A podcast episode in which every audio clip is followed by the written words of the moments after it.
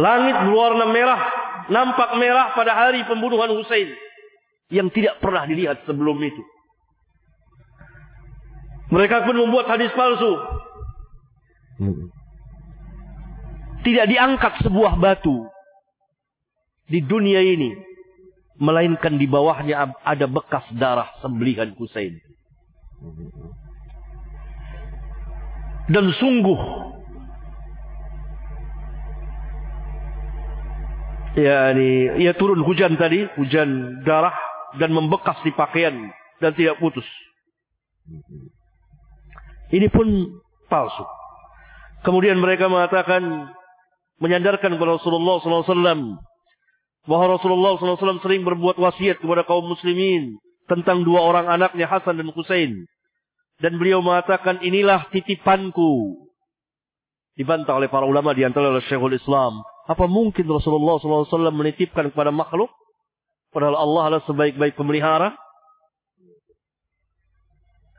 Kemudian turun ayat berkenaan dengan Hasan dan Husain berkenaan dengan ini ayat Kulla as'alukum alaihi ajran illa al-mawaddata fil qurba. Surat Syura ayat 23. Dibantah oleh Ibnu Taimiyah.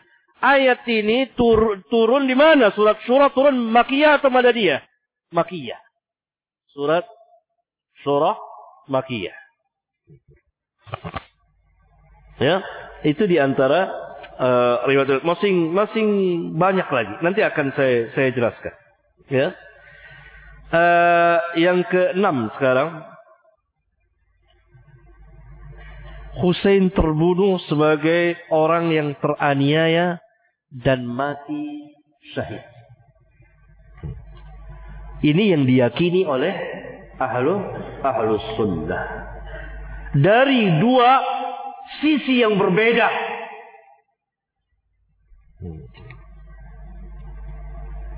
Ahlu sunnah di tengah-tengah. Hussein mati terbunuh dalam keadaan teraniaya. Madlum dan syahid.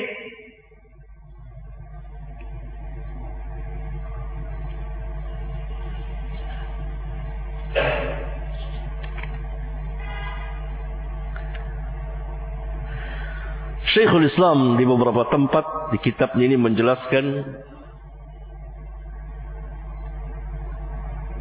di antaranya di halaman 550 adapun pembunuhan terhadap Husain radhiyallahu an maka tidak ragu lagi.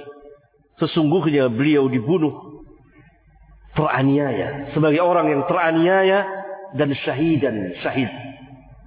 Sebagaimana telah dibunuh orang-orang yang serupa dengan beliau dari orang-orang yang teraniaya dan para syuhada. Pembunuhan terhadap Hussein yang dikata Ibnu Taimiyah merupakan maksiat kepada Allah dan Rasulnya. Ini i'tiqad ahlu sunnah. Pembunuhan terhadap Hussein merupakan maksiat kepada Allah dan Rasulnya dari orang-orang yang membunuhnya atau membantu pembunuhannya. Dan ini merupakan musibah yang menimpa kaum muslimin dari keluarga beliau dan yang selainnya. Sedangkan pada diri Husain haknya adalah syahadah. Beliau mendapat syahid dan diangkat derajatnya, ditinggikan tempatnya. Dan seterusnya. Kemudian Syekh mengatakan, Pembunuhan terhadap Hussein tidak lebih besar dari pembunuhan terhadap para nabi dan rasul. Mana yang lebih besar? Membunuh nabi atau membunuh Hussein? Nabi. Sedangkan Allah Subhanahu wa ta'ala inna Allah taala qad akhbara anna bani Israel kanu yaqtuluna an-nabiyyin nabiyyin bighairi haqq Walaysa ma waqa'a min dhalika bi'a'zama min qatlil anbiya.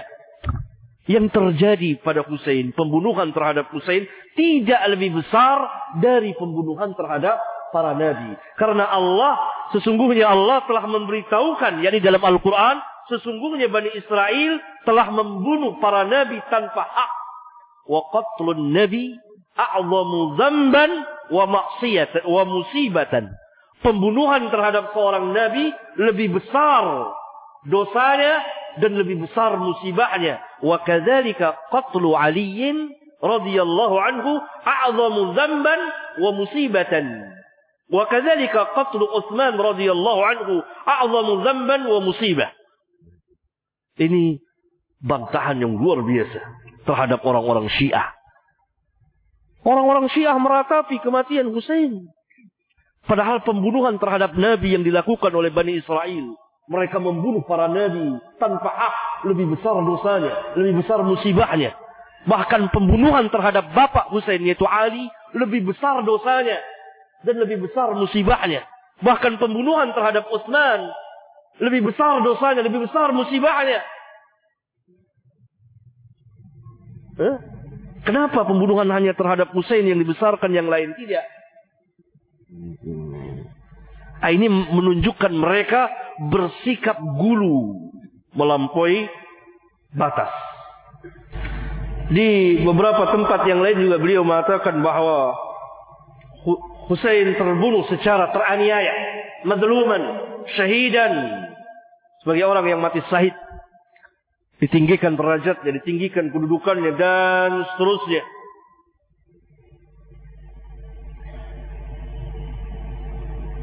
Tapi orang-orang Syiah bersikap gulu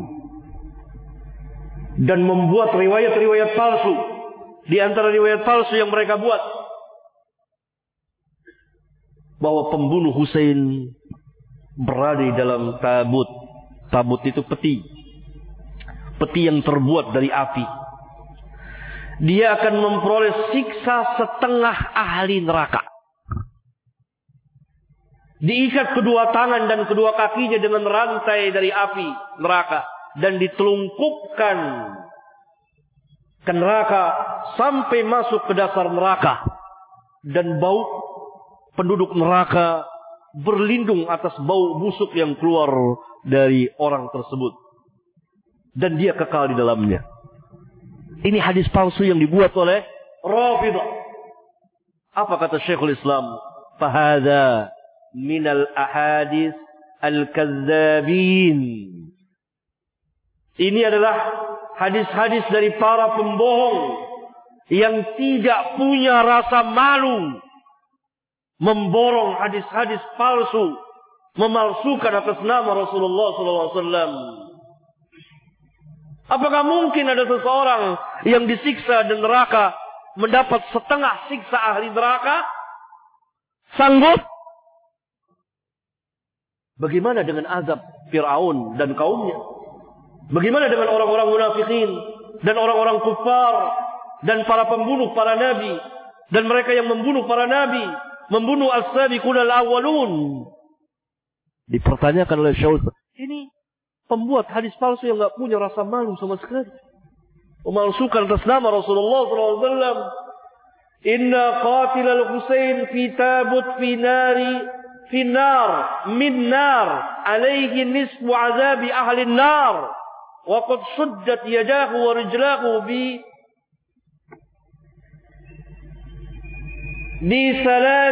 nar yunakkasu fi nar hatta yaqa fi qa'ri jahannam Wah, seterusnya. Hadis palsu banyak dan banyak yang meratapi.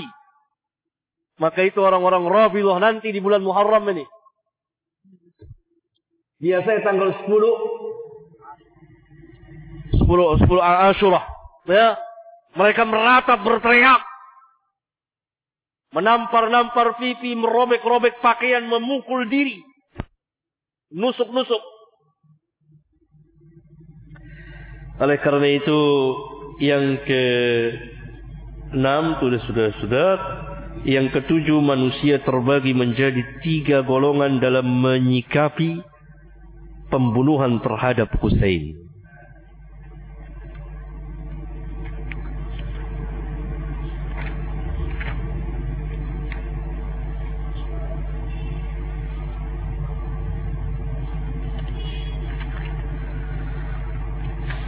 Syekhul Islam di kitab yang sama mengatakan وصار الناس في قتل الحسين رضي الله عنه thalathatu asnaf. Maka jadilah manusia. Dan sikap orang terhadap pembunuhan Hussein terbagi menjadi tiga golongan. Dua golongan yang berlainan sisi, kedua-duanya guru melampaui batas. Satu golongan tengah-tengah. Golongan yang pertama mengatakan bahwa pembunuhan terhadap Husain adalah hak benar adanya. Karena dia ingin memecah belah kaum muslimin. Memecah belah jamaah. Padahal Nabi SAW telah bersabda, Barang siapa yang datang kepada kamu, sedangkan urusan kamu dipimpin oleh seseorang, jadi jamaah, dan dia hendak memecah belah, maka bunuhlah dia. Maka pembunuhan terhadap Husain adalah hak karena Husain datang sedangkan keadaan kaum muslimin dipimpin oleh seseorang yaitu Yazid bin Muawiyah. Maka dia adalah pemberontak. Melampaui batas sehingga Husain dihinakan.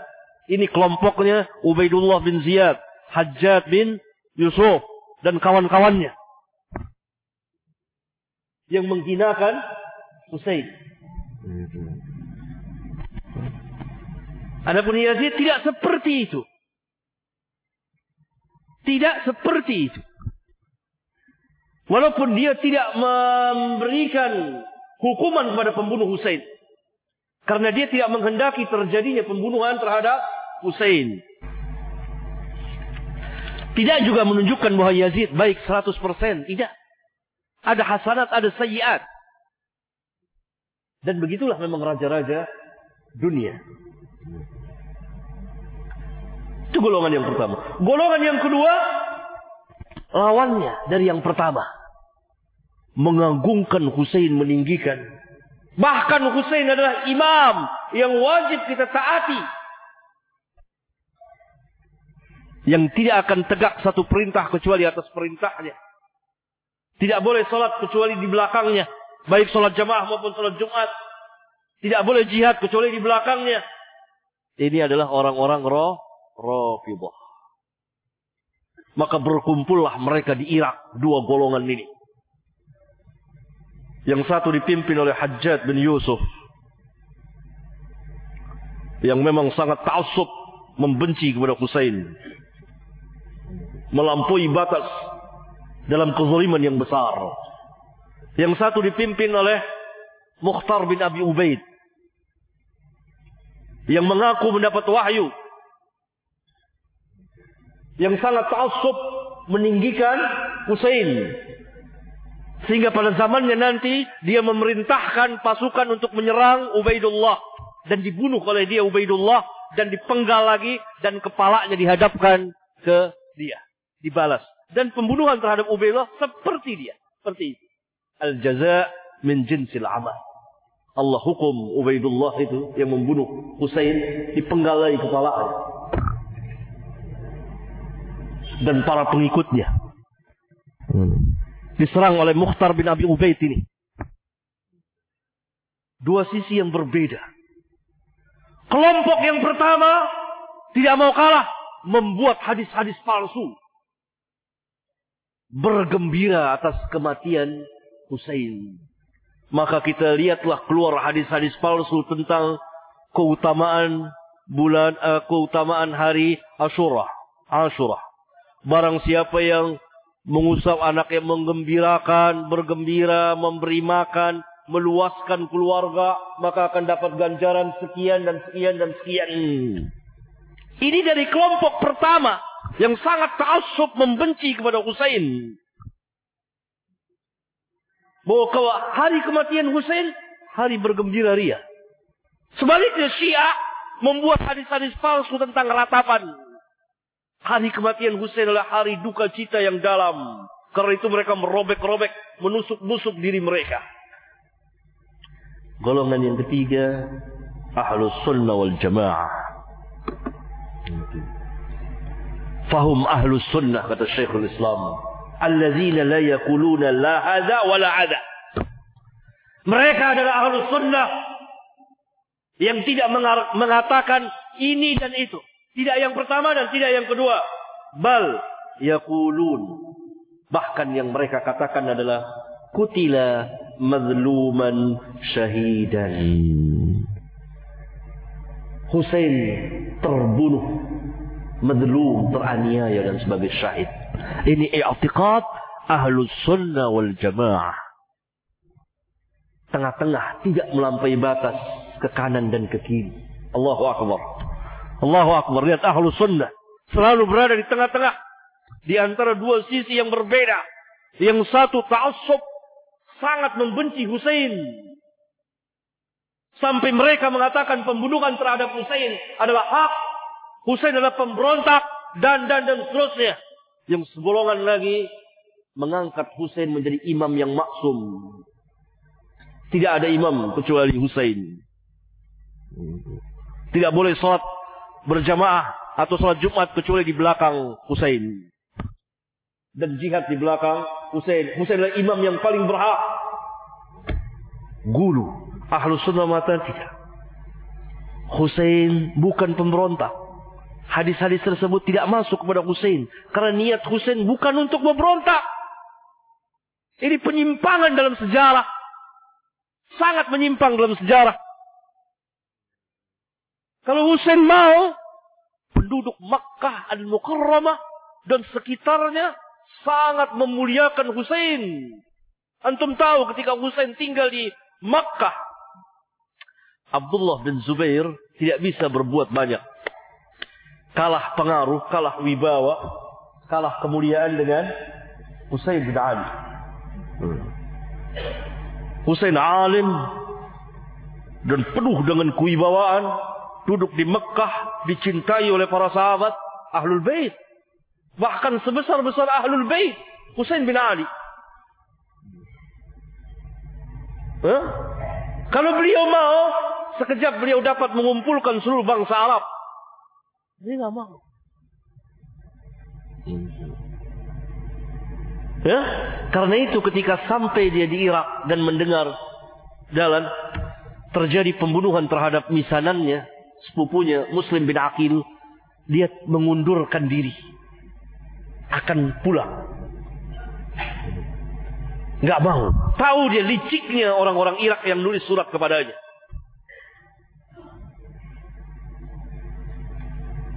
Tetapi orang-orang Irak ini mendesak dan menawan dia untuk dihadapkan kepada pasukan Ubaidullah bin Ziyad. Husain orang yang mulia, semua wajah tertuju pada Husain. Dia tinggal di Mekah. Karena itu Abdullah bin Zubair yang menuntut ingin jadi khalifah dan di kemudian hari dia dibaiat oleh negara negeri di situ dan dia jadi Amirul Mu'minin tidak, tidak bisa berbuat banyak semasa ada Husain. Maka itu ketika Husain berangkat Ibnu Abbas mengatakan kepada Abdullah bin Zubair sekarang senanglah engkau Husain telah berangkat. Yani tidak ada saingan. Dan Abdullah bin Zubair bukan bersaing saling iri, tidak. Tapi memang Husain mempunyai ekstra kelebihan yang luar biasa yang tidak dimiliki oleh Abdullah bin Zubair setelah wafatnya abangnya Hasan. Hasan mati diracun pada tahun 49 Hijriah atau tahun 50 Hijriah.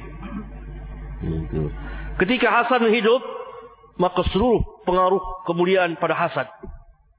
Percis seperti yang Nabi sallallahu alaihi wasallam sabdakan, percis sama. Inna ibni hadha sayyidun Sesungguhnya anakku inilah sayyid. Hasan yang sayyid, yang lain enggak.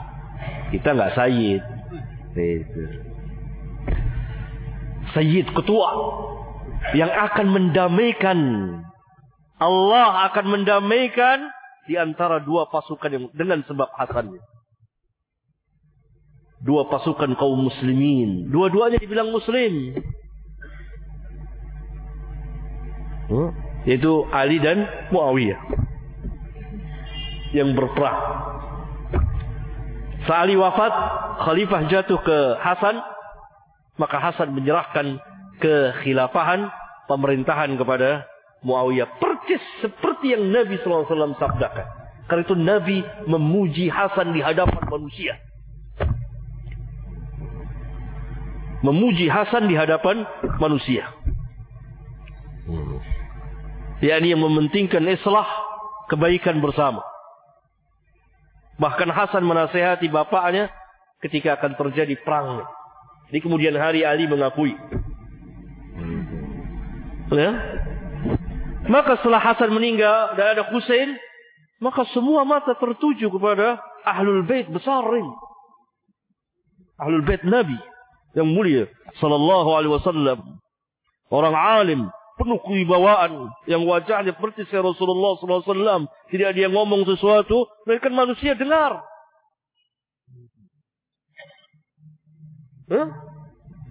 Oleh karena itu Abdullah bin Zubair yang di kemudian hari menjadi khalifah kalah pengaruh.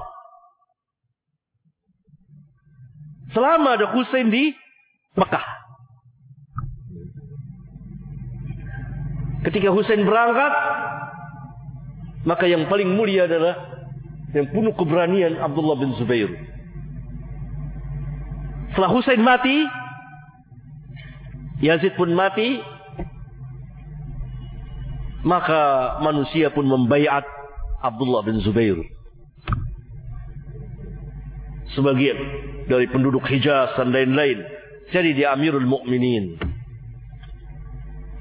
Khalifah kemudian dipimpin oleh Abdul Malik bin Marwan bin Hakam yang memerintahkan Hajjat bin Yusuf untuk mengepung memerangi Abdullah bin Zubair di Makkah al-Mukarramah. Terjadi perang lagi.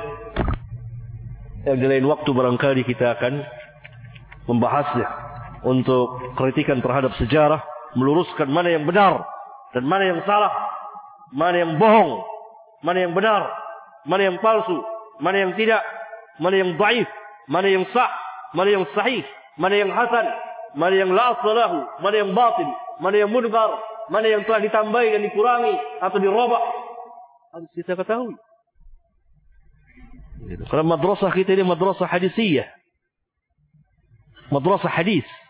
Jadi tidak keluar dari hadis. Ya. Uh, ahlu sunnah tengah-tengah. Kemudian Syekh mengatakan, "Walam yakun mutawalliyan li amril ummah." Walam yakun mutawalliyan li amril ummah dan Husain tidak memerintah urusan umat. Dia tidak sebagai amir. Wal hadis al-madhkur la yatanawaluhu. Hadis yang disebutkan itu tidak kena kepada Husain.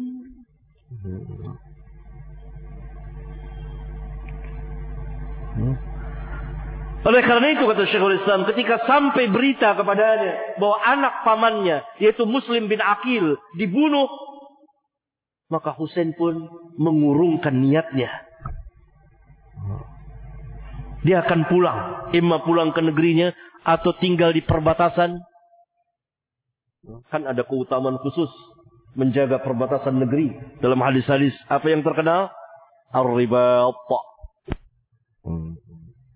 Tetapi mereka penduduk Irak yang menulis surat kepadanya itu tidak mengizinkannya.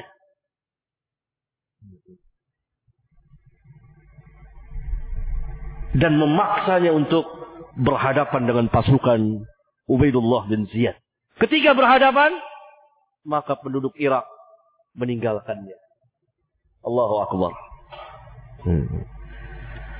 Kemudian Yang kedelapan dengan sebab kematian Hussein maka syaitan menyebarkan dua macam bid'ah.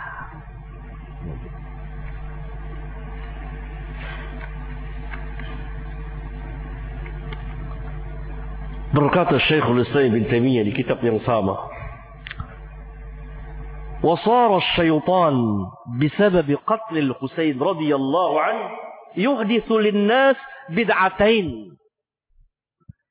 Maka jadilah syaitan dengan sebab pembunuhan Husain, terbunuhnya Husain radhiyallahu an memunculkan mengadakan kepada bagi manusia dua macam bid'ah. Syaitan membuat dua macam bid'ah dengan sebab terbunuhnya Husain. Bid'ah yang pertama apa? Bid'atul hazan wan nauf yaum Ashura. Bid'ah kesedihan dan ratapan pada hari Ashura. Di negeri kita ini sudah mulai tuh. Di Senayan, di mana? Di tempat-tempat Rafidah. Meratap. Ini dibuat oleh syaitan. Dari menampar pipi. Berteriak. Menangis, meratap. Hmm? Merobek-robek. Sampai kata Syekhul Islam. Mencaci kaum salaf. Melaknat mereka memasukkan orang yang tidak berdosa ke dalam orang-orang yang berdosa. Para sahabat seperti Abu Bakar, Umar tidak tahu menahu, dimasukkan. Padahal tidak punya dosa apa-apa. Yang punya dosa dan yang terjun ketika itu. Ya. Sampai mereka mencaci maki as-sabiqun al-awwalun Kemudian dibacakanlah riwayat-riwayat tentang kematian Hussein yang kebanyakan adalah bohong. Karena tujuannya adalah untuk membuka pintu fitnah perpecahan di kalangan umat. Kemudian Syekh mengatakan wakanat wakanatil kufah biha qaumun min syiah al-muntasirin lil Husain.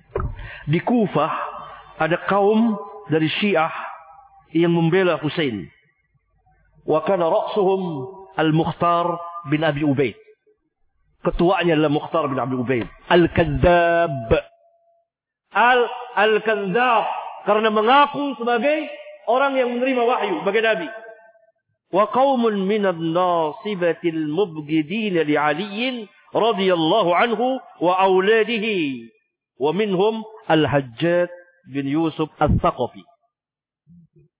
Dan di Kufa juga ada satu kaum nasibah. Orang-orang yang membenci Ali dan anak-anaknya. Di antara mereka adalah Hajjad bin Yusuf As-Saqafi. Waqad sabata. Waqad sabata fi sahih. An Nabi sallallahu alaihi wasallam. Annahu qala. Dan telah sabit. Telah datang di kitab sahih. Dari Nabi sallallahu alaihi wasallam. Annahu qala bahwa beliau bersabda sayakunu fi sakit kadzabun wa mubirun. Akan ada, akan muncul pada kaum sakit, sakit seorang pendusta dan mubir. Fakana dzalika syi'i huwa al-kadzab. Maka yang syi'i ini adalah kadzab. Si pendusta. Al-Mukhtar bin Abi Ubaid. Wa hadha an-nasibi huwa al-mubir. Fa'ahdatha ulaika al-hazan wa ahdatha ula'i surur. Yang satu membuat ratapan, bid'ah ratapan, yang satu membuat bid'ah kegembiraan. Dan mereka pun meriwayatkan hadis-hadis barang siapa yang meluaskan keluarganya pada hari Asyura, hari maka Allah akan meluaskan hari-hari tahun itu, setahun itu. Ya, Nah, dibuatlah hadis-hadis tentang barang siapa yang memakai celak pada hari Ashura, maka tidak akan terkena sakit mata selama setahun. Barang siapa yang mandi pada hari Ashura, maka tidak akan sakit pada tahun itu. Barang siapa yang memakai celak, meluaskan keluarganya, memberikan makan, dan lain-lain. Ini bid'ah yang ditimbulkan tadi dari golongan yang yang bergembira karena kematian Husain, menganggap bahwa Husain adalah pemberontak. Maka syaitan menimbulkan dua bid'ah besar dengan sebab kematian terbunuhnya Husain. Bid'ah ratapan orang-orang Rafidah dan bid'ah bergembira ria. Karena itu para khatib ini, para penceramah ini orang-orang juhala yang tidak mengerti ilmu riwayat, yang tidak bisa menundukkan tarikh gimana sebenarnya, dia sebetulnya masuk ke dalam kelompok Hajjat bin Yusuf. Membawakan riwayat-riwayat palsu tentang keutamaan hari Ashura. Barang siapa yang memberi makan anak yatim, barang siapa yang mandi, barang siapa, barang siapa, barang siapa. Ini dari kelompok Hajjat bin Yusuf yang bergembira atas kematian Hussein. Yang mengatakan bahwa pembunuhan terhadap Hussein adalah hak. Kan barangkali antum sering dengar. Iya kan? Hmm. Hah? Lebaran hari yatim. Lebaran anak yatim. Bergembira. Memberi makan. Meluaskan keluarga. Memakai celak. Ini hadis-hadis palsu yang dibuat oleh orang-orang kelompok pertama yang bersifat gulu. Melampaui batas atas kematian Husain. Bergembira. Bid'atus surur. Kata Syekh. Uh, uh, bid'ah ya bid'ah surur. Ya. Wa kadzalika bid'atus surur wal farq. Demikian juga bid'ah surur. Jadi syaitan menciptakan dua bid'ah. Pertama bid'ah kesedihan ratapan kedua bid'ah kegembiraan. Bid'ah kesedihan ratapan menangis Kematian Husain hujan turun hujan darah. Batu kalau digali ada bekas darah Husain dan dan dan seterusnya. Merobek-robek pakaian dan seterusnya. Ini orang-orang Syiah di Iran dan di, Indonesia ini. Satu bid'ah kegembiraan, kesenangan, kelapangan, karena kematian Hussein. Maka dibuat juga hadis-hadis palsu. Barang siapa yang mengembirakan keluarga, yang itu apa namanya mengusap anak ya apa namanya uh, lebaran anak yatim nih sekarang nih katanya gitu ya kan? Lebaran anak yatim. Allahu akbar. Ini bid'ah dibuat oleh orang-orang yang membenci Husain. Pula Husain radhiyallahu taala anhu. Madluman syahidan. Dan wajib bagi kita mencintai sahabat yang mulia ini, cucu Nabi yang mulia sallallahu alaihi wasallam. Dengan tidak melampaui batas dan tidak mengurangi haknya. Sama perjalanan sebagaimana perjalanan Ahlus Sunnah wal Jamaah. Kita tidak mengatakan bahwa Husain adalah imam yang maksum. Nah. Kita juga tidak uh, tidak mengatakan bahwa pembunuhan Husain memang hak, tidak. Pembunuhan Husain adalah sebagaimana dikatakan ahlu sunnah merupakan maksiat kepada Allah dan Rasulnya. Itulah barangkali sedikit dari sekian banyak cerita ini dan sejarah-sejarah yang lain yang ditulis oleh para ulama yang ada sanatnya harus diperiksa, dilihat keterangan para ulama, yang tidak ada sanatnya ditinggalkan. Yang ada sanatnya apabila lemah dikumpulkan, dilihat ada syawahid yang tidak sesuai dengan kawaid hadisiyah dalam ilmu hadis. Ya.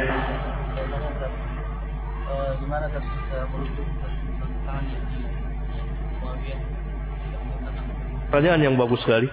Tadi uh, kelewatan. Alhamdulillah. Ya. Ini dia, saya bacakan sih. Minhajus Sunnah 557, juz Rabi. Wa qad ruwiya bi isnadin majhul. Ah, lihat. Wa qad ruwiya bi isnadin majhul. Dan sungguh telah diriwayatkan dengan sanad yang majhul. Bahwa ini sesungguhnya kepala Husain ini dihadapkan ke Yazid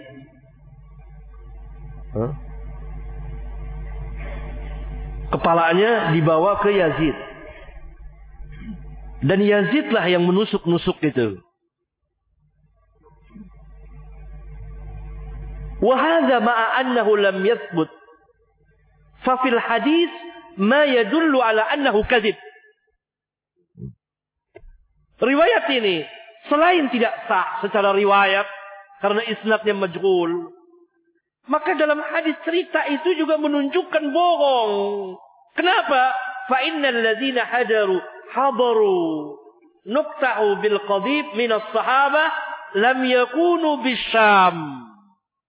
Wa bil Iraq. Ini cerita ini yang menunjukkan kebohongannya. Yazid kan di Syam. Ini di Irak. Kejadian di Irak. Dan sahabat yang hadir ketika itu bukan di Syam, tapi di Irak. Ah, jelas ini kebohongan bahwa yang mengatakan yang menusuk-nusuk itu ya tidak. Saya lanjutkan. Walladhi naqaluhu ghairu wahidin. Nah, sedangkan riwayat yang meriwayatkan bukan hanya satu orang tapi banyak anna Yazid lam ya'mur biqatlil Husain. Nah, sesungguhnya Yazid tidak pernah menyim, memerintahkan untuk membunuh Husain. Tidak juga berkeinginan seperti itu. Balkana yakhtar ayyukarrimahu wa yu'azzimahu. Bahkan dia memilih agar Husain memuliakan dia, mentazimkannya. Eh? Bahkan dia memilih bahwa dia yang yang keinginan dia adalah memuliakan Husain dan membesarkan Husain kama amarahu bidzalika Muawiyah radhiyallahu anhu. Sebagaimana bapaknya Muawiyah telah memerintahkan Yazid untuk memuliakan, membesarkan Husain. Maka tatkala Husain datang yakni ke Irak wa alima dan dia tahu anna ahlal Irak yakhzalunahu atau yukhzilunahu wa yuslimunahu dia tahu bahwa uh, ah, penduduk Irak ini yang ber, uh, uh, berjanji kepadanya bahwa akan membela dia dan membaiatnya akan menghinakannya dan menyerahkannya maka Hussein berkehendak untuk kembali. Kembali kepada Yazid. Kembali ke kotanya atau kembali ke perbatasan. Famana'uhu famana'uhu mereka mencegahnya jadi ketika Hussein tahu penduduk Irak yang memanggil dia ini berkhianat maka dia akan bergabung pada Yazid jamaah. Atau dia akan pulang ke kotanya. Tinggal. Atau dia berada tinggal di perbatasan jihad. Salah satu dari tiga ini. Salah satu dari tiga. Tetapi penduduk Irak tetap menghalangi. Jangan. Ditawan Hussein itu. Tidak bisa. Lalu dihadapkan ke pasukan Ubaidullah bin Ziyad. Mereka lari membiarkan Husain sendiri. Ah, itu dia. Huh? Jadi apa yang dikatakan oleh Ibn Abbas dan para sahabat ini benar. Jangan pergi. Jangan pergi. Saya khawatir engkau akan dibunuh. Kalaupun kau mau pergi, engkau pergi saya sendiri, keluarga mau biarkan. Jangan pergi, jangan pergi. Husain tetap pergi. Saya sudah istikharah. Saya akan pergi. Tapi Husain tawabunya tinggi. Tidak ada satupun nasihat yang dia tolak tapi dia jazakallah. Oh, kan?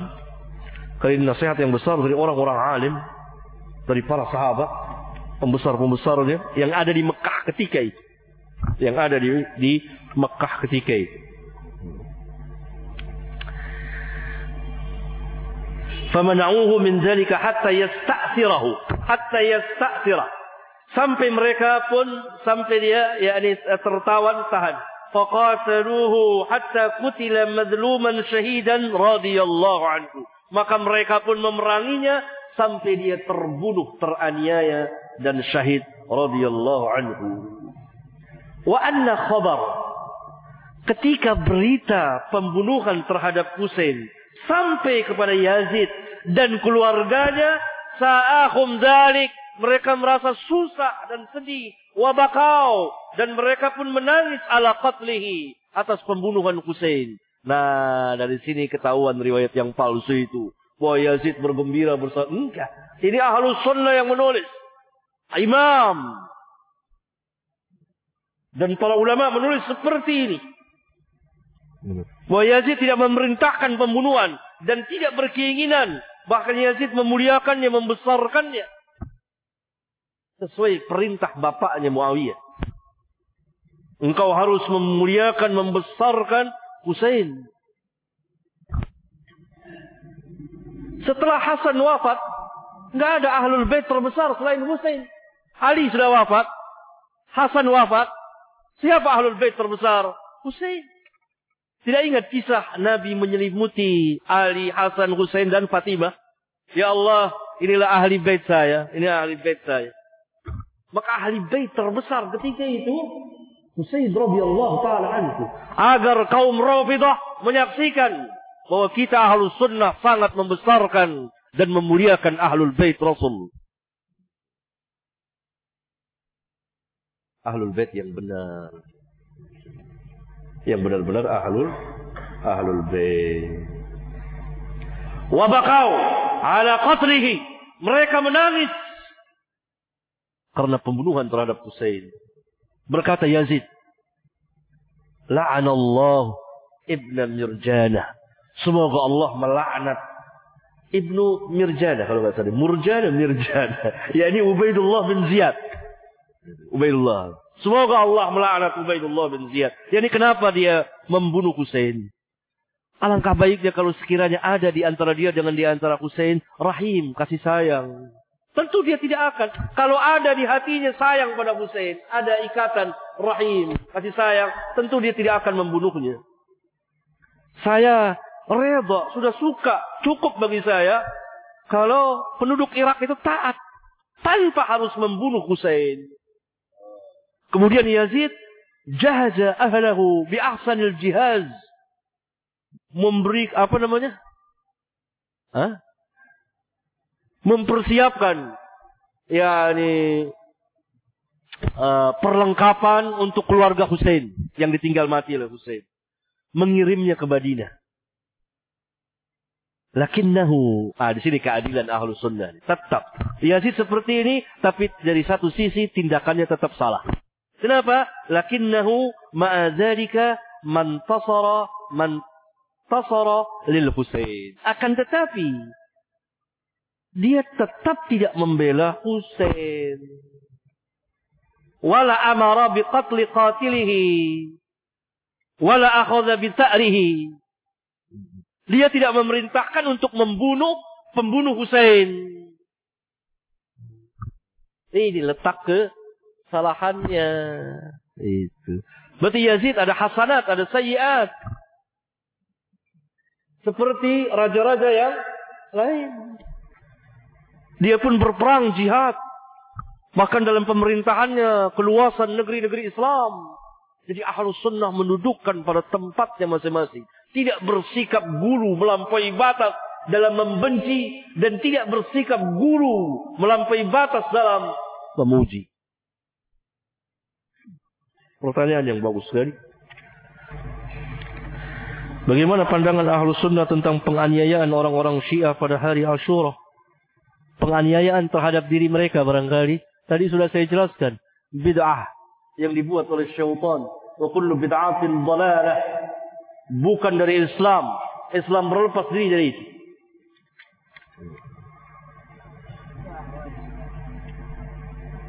Sudah dijawab apa yang dilakukan Yazid. Yazid marah saja kepada Ubaidullah bin Ziyad. La'anat Allah melaknat. Ternyata dia membalas. Ya, harusnya dia kisah.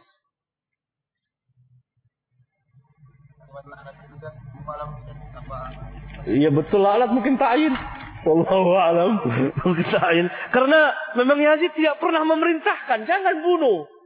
Dan harus memuliakan, membesarkan Hussein. Karena ini wasiat bapaknya Muawiyah. Dan cukup bagi dia asal penduduk Irak jangan memberontak. Sudah. Nah, ini pendurhaka besar Ubaidullah memang. Zaid bin Arqam mau ditebas kepalanya. Zaid bin Arqam, sahabiyun jalil. Kalau sekiranya sayang antum ini udah tua, akalnya rusak. Kalau tidak saya penggal ke lehermu. Pendurhaka besar. Allah hukum dia di dunia. Dipenggal lagi kepalanya oleh Mukhtar bin Abi Ubaid. Al-Kazzab. Hina kematiannya hina juga. Dia dan para pengikut dipenggal-penggal kepalanya satu kali apa dibawa ke kepala-kepala. Begitu. سبحانك اللهم وبحمدك أشهد أن لا إله إلا أنت أستغفرك وأتوب إليك السلام عليكم ورحمة الله وبركاته